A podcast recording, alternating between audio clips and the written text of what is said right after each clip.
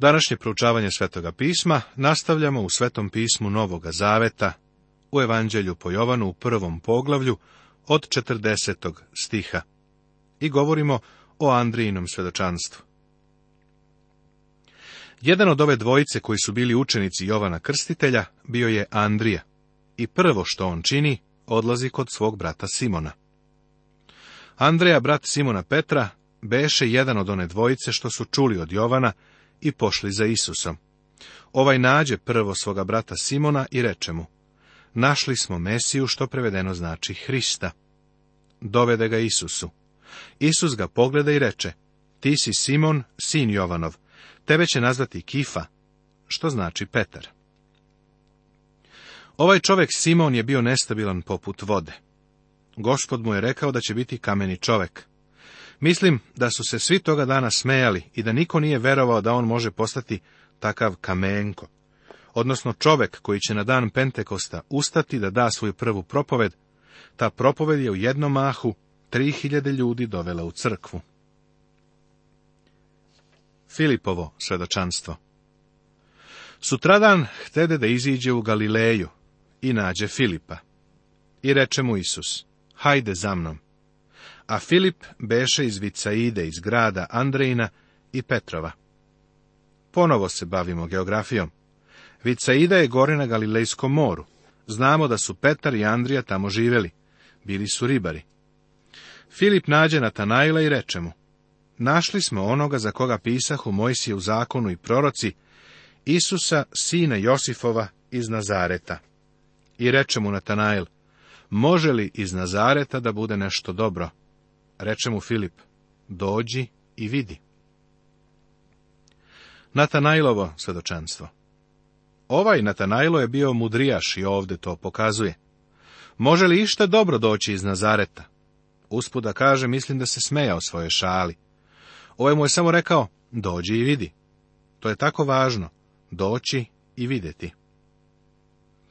Isus vide Natanajla kako ide k njemu i reče za njega, gle, Zaista je Izraelac u kome nema lukavstva. Evo Izraelca u kome nema Jakova. Vidiš, iako ovaj čovjek mudruje, on nije prevarant, niti je lukav. U njemu nema ništa što bi bilo u starom Jakovu. Evo Izraelca u kome nema Jakova.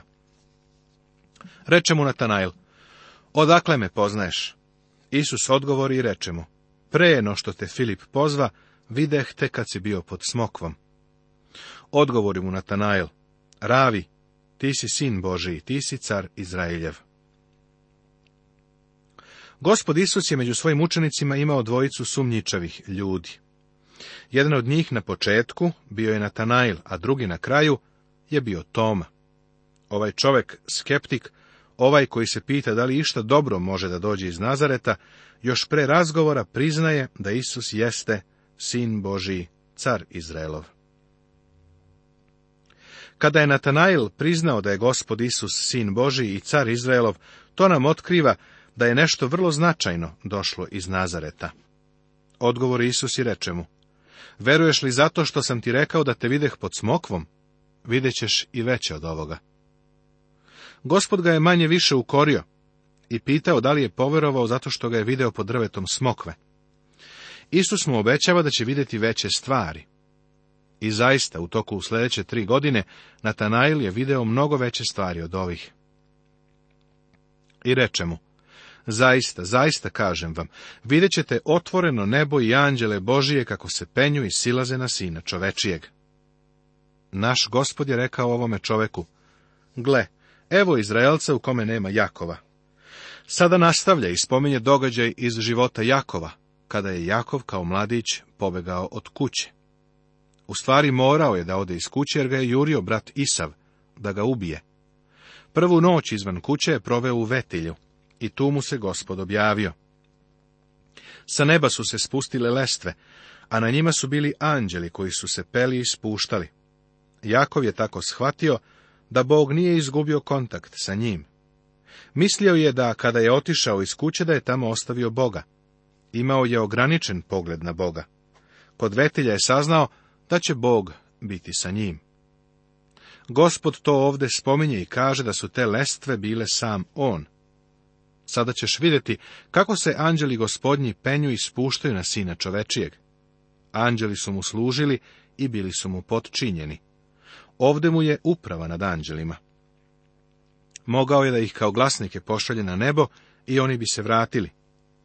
Tako Isus kaže da će Natanael vidjeti otvoreno nebo i anđele Božije kako se penju i silaze na sina čovečijeg. Vidjet će šta će mu govoriti otac sa vrha tih lestri, kako će reći, ovo je sin moj ljubljeni koji je po mojoj volji. Lestve su Hristos i samo preko njega ti i ja možemo imati vezu sa Bogom. Gospod Isus je rekao, ja sam put i istina i život, niko ne dolazi ocu sem kroz mene. On predstavlja lestre, ne one kojima se penješ, nego one u koje se pouzdaš, one na kojima počivaš i kojima veruješ. Važno je da to ovde uvidiš. Ovo prvo poglavlje Jovanovog evanđelja je bilo dugačko i krajnje značajno. Prolog predstavlja otelotvorenje reči. On je Bog. On je postao telo, on otkriva oca. Zatim ga predstavljaju svedoci. Jovan Krstitelj svedoči da Isus otkriva Boga. Andrija svedoči da je Isus Mesija. Filip svedoči da Isus ispunjava stari zavet. Natanael svedoči da je Isus sin Božiji, car Izraelov. Poglavlje drugo Tema Isus na svadbi u Kani Galilejskoj Prvo delo Isus očišćava hram za vrijeme pashe u Jerusalimu. Prva reč. Isus razgovara sa Nikodimom u Jerusalimu. Druga reč. Isus na svadbi u Kani Galilejskoj. U ovom poglavlju imamo važan događaj koji se zbio na svadbi u Kani, gdje je Isus bio pozvan i kada je pretvorio vodu u vino. U 11. stihu ovako piše – ovo učini Isus u Kani Galilejskoj kao početak čuda. Ovo je prema tome odgovor onima koji govore da je gospod Isus kao mali dečak tamo u Egiptu sa drugim dečacima pravio golubove od gline, pa ako bi ih dotakao oni bi odleteli. To je zanimljiva priča, ali bez činjenice. Ovaj izveštaj vrlo jasno pokazuje da Isus u Egiptu nije činio čuda, nego da se njegovo prvo čudo zbilo u Kani Galilejskoj. Čudesno je to što ovdje imamo onoga koji je od početka sa Bogom i koji jeste Bog.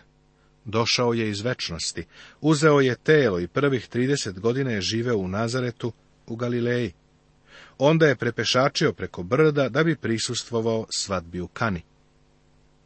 Ponovo primeti kako Jovan vodi računa o vremenu i prostoru. A trećega dana. Naš gospod sada ulazi u svoju službu. A trećega dana beše svadba u Kani Galilejskoj i majka Isusova beše onde. Pozvaše na svadbu i Isusa i njegove učenike.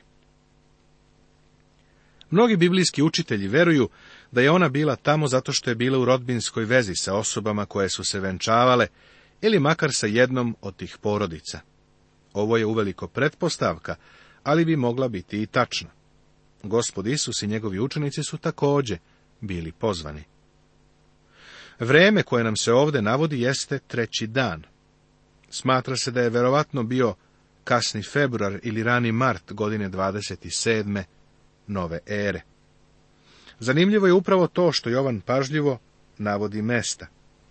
U prethodnom poglavlju bili smo u Vitsaidi, a sada se prizor prebacuje u Kanu Galilejsku. Zatim će se premestiti u Kafernaum u stihu 12. pa u Jerusalim u stihu 13. Jovan nam pruža hronološki red i geografiju. Ovde piše da je majka Isusova bila tamo. U Jovanovom evanđelju ona se nikada ne spominje po imenu Marija. Ona dolazi Isusu sa vrlo neobičnom molbom. Pogledaj šta mu kaže. I kad je nestalo vina, reče Isusova majka njemu, nemaju vina. Sada se postavlja pitanje vina. Nedavno sam čitao o jednom liberalnom teologu koji je Isusa nazvao krijumčarom alkoholnih pića. Kakvo svetogrđe! U to vreme vino je bilo osnovni prehrambeni artikal. Međutim, pijanstvo se apsolutno osuđivalo. Nikakvo pijanstvo nije bilo povezano sa ovim. Usput da spomenem, svadba je bila religiozna svečanost, a ovo su bili ljudi koji su verovali u stari zavet. Možeš biti siguran da na ovoj svadbi nije bilo opijanja. Ova svadba je slika jedne druge svadbe koja dolazi. Hristos je svoju službu na zemlji započeo na svadbi. Bar što se crkve tiče, završit će je također svadbom. Na jagnjetovoj svadbenoj večeri crkva će pred njega biti izvedena kao nevesta. Ovo je prvo čudo koje je Isus učinio. Mojsijevo prvo čudo je bilo da je pretvorio vodu u krv. Hristovo prvo čudo je bilo da je vodu pretvorio u vino. Mojsije je dao zakon, ali blagodat i istina dolaze preko Isusa Hrista. Kakav kontrast! Šta je Marija htjela da kaže svojom izjavom? Pre svega, dobro je obratiti pažnju na činjenicu da je ovo bila veoma siromašna porodica. Nekako nisu imali dovoljno piće za osveženje. Bengal u svom komentaru je rekao da kada je Marija rekla gospodu da nema vina, da je to bio blagi nagoveštaj Isusu i njegovim učenicima da se udalje. Kalvin smatra da je to bio predlog Isusu da goste okupira nekim svojim pripovedanjem. To je baš ono što bi Žan Kalvin mogao da pretpostavi. Ako si ikada čitao Kalvinova pravila, onda znaš kako su duboko umna, ali dosadna. Da je Kalvin bio tamo, verovatno bi imao nešto govorio i tako ih sve uspavao. Međutim, mislim da kontekst ovdje ne dopušta ni jedno od ovih ponuđenih objašnjenja. Mislim da ovo nije bio nagovešte upućen Isusu niti predlog da nečim zaokupi glave gostiju. Verujem da je ona vrlo iskreno govorila, učini čudo, ovo je prava prilika. Sećaš se da kada joj se objavio anđeo Gavrilo i rekao da će na svet doneti Mesiju, Marija je postavila pitanje o devičanskom rođenju. Kako će to biti kad ne znam muža? Gavrilo je tada potpuno jasno rekao da će duh sveti se spustiti na nju i da će ono što se začne biti sveto. Svoju veru i potčinjenost je pokazala kada je rekla, evo služiteljke. Od tog momenta i tokom sljedećih godina uvek se postavljalo pitanje njenog devičanstva. Ljudi su postavljali pitanje o Isusu. Ona sada govori, sada imaš priliku da učiniš čudo i da im pokažeš da sam u pravu kada im kažem da si devičanski rođen i da si onaj koji sam im govorila da jesi. Isus joj upućuje vrlo jasan odgovor. Isus joj pak reče, šta ja imam s tobom, ženo? Još nije došao moj čas. On u stvari misli ovako, ovo nije prilika, osvetlaću tvoje ime, ali ne ovde. Kada je visio na krstu i dok je njegova majka stajala ispod krsta, sećaš se da je pogledao i rekao joj, ženo, eto ti sina. Tada je njegov čas došao. Za tri dana on će ustati iz mrtvih.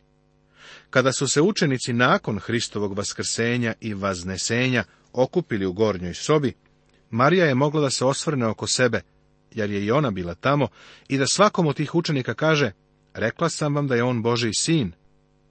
Pavle kaže da je on postavljen za sina Božijeg u sili od uskrsa iz mrtvih Isus Hristos, gospod naš. Ovde Marija od njega traži da učini nešto što će pokazati ko je on i što će osvetlati njeno ime. On joj govori da će baš to učiniti, osvetlaće njeno ime, ali taj čas još nije došao. A onda je taj čas došao. Njegovo vaskrsenje dokazuje ko je on. Ne zaboravi da vaskrsenje dokazuje Hristovo devičansko rođenje na devičansko rođenje obično obraćamo pažnju samo u vreme Božića, kao da je to neka izolovana činjenica.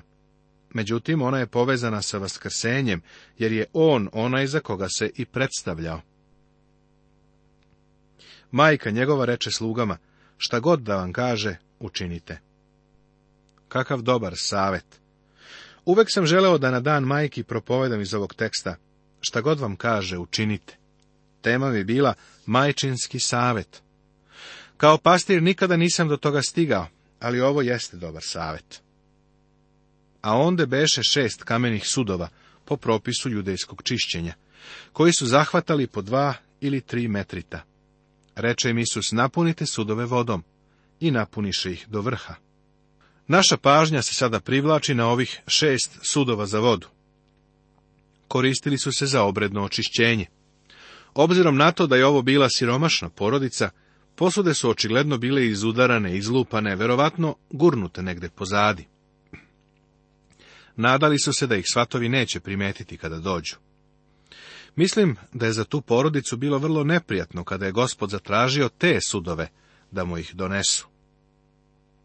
Zatim im iznosi proceduru koju treba da slede, pa ih oni pune do vrha. Tada im reče, zahvatite sad i nosite trpezaru. I odneše. A kad trpezar okusi vodu koja je postala vino i nije znao otkuda je, a sluge koje su zahvatile znale su, pozva trpezar mladoženju i reče mu, Svaki čovek iznosi prvo dobro vino, a kad se opiju onda slabije. Ti si čuvao dobro vino do sad. Ne želimo ovdje da se zabavljamo pričajući o tome da li je ovo vino bilo opijajuće ili ne. Vrlo iskreno to ovdje nije tema. Ako misliš da iz ovoga možeš nešto da izvedeš, potpuno si pogrešio. Zapazi da je ovdje nešto propušteno. Gde je mlada? Nigde je ne vidim. Šta je mlada nosila na sebi? Pa na našim venčanjima to je najvažnije. Obavljao sam službu na mnogim venčanjima, bio sam na stotinama venčanja u toku svoje službe, posmatrao sam mnoge mlade koje su prilazile oltaru. U toku života sam naučio da kada dođem na početku niko nije naročito zainteresovan za propovednika. Zatim dođe mladoženja i, iskreno govoreći, ni za njega mnogi ne mare naročito. Jedino mu se smeši njegova majka. Zatim nastupi mlada i svi gledaju. Pa da vidimo šta je imala na sebi ova mlada iz Kane. Ne znamo. Zašto? Zato što su ovdje mnogo značajniji Isus i oni prazni sudovi za vodu. Prijatelju, ovdje imamo nešto divno. On je uzeo prazne posude za vodu i rekao da ih napune vodom. A onda kad su sipali vodu, desilo se čudo. Kada su zahvatali vodu i sipali je gostima, ona je postajala vino. Ovo u sebi sadrži veliku duhovnu pouku za nas. Isus nas danas koristi kao posude za vodu. Mi smo samo izudarane i oštećene posude za vodu, nismo privlačni i treba nas gurnuti negde na stranu i prekriti. Ali, on želi da nas upotrebi. Želi da nas ispuni vodom. Šta je voda? Voda je reč Božija prijatelju. On želi da tebe i mene ispuni vodom reči Božije. A onda, kada nas ispuni vodom Božije reči, želi da iz nas sipa napolje. Kada to činimo, ne umem baš da objasnim, ali kada voda odlazi iz sudova za vodu i dolazi do onih kojima je namenjena, ona se pretvara u vino. Kroz delo duha svetoga postaje vino radosti. Ovako piše, ne opijajte se vinom u čemu je raskalašenost, nego se punite duhom. Sveti duh uzima tu vodu i čini čudo u životu jedne osobe. Iako ne umem to da objasnim, često vidim kako se to dešava. Baš sada na svom radnom stolu imam desetine pisama koja su nedavno stigla od ljudi koji su doživjeli spasenje tako što su slušali reč Božiju na našem radioprogramu. Ne razumem to. Ja sam samo jedna stara posuda za vodu, u sebi imam malo vode reči, ali kada je izlivam, ona postaje vino radosti ljudima koji je primaju. Pre dosta godina, dok sam govorio pred hrišćanskom hollywoodskom grupom, bio je prisutan jedan par koji je doživeo spasenje, bio izbavljen iz noćnog kluba. Rekli su mi da će svoj talenat da upotrebe za Isusa. Pa to mi se nije svidelo. Naknadno sam ih pitao kakav su to talenat koristili u noćnom klubu koji Isus može da iskoristi. Počeli su da zamuckuju. Zato sam im rekao, vidi, kad ti i ja dođemo Isusu, on ne dobija ništa osim pukih grešnika.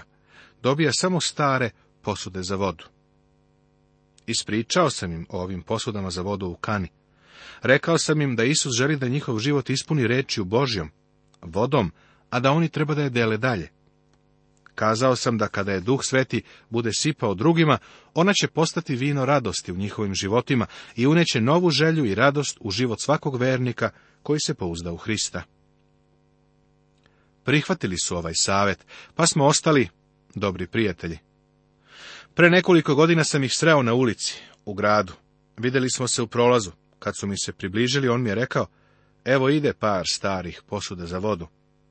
Želim da kažem, Bog ih je upotrebio, ali ne sa talentom korišćenim za noćni klub. Ispunio ih je vodom reči života. Prijatelju, ovo je danas velika poruka za tebe i mene. On želi da nas ispuni u Božjom i da zatim to prosledi drugima. Posle toga siđe u Kafarnaum, on i majka njegova, i braća, i učenici njegovi pa ostaše onde nekoliko dana. Ovo se verovatno odnosi na vrijeme kada njegov rodni grad nije hteo da ga prihvati. Kada je otišao u sinagogu i čitao iz proroka Isaije, rekli su, nije li ovo Josifov sin? Verovatno bi ga tada već uništili. Zato je on svoje sedište premestio u Kafarnaum i koliko ja mogu da kažem, to mesto je ostalo njegovo sedište za sve vrijeme njegove trogodišnje službe. Nastavit će se.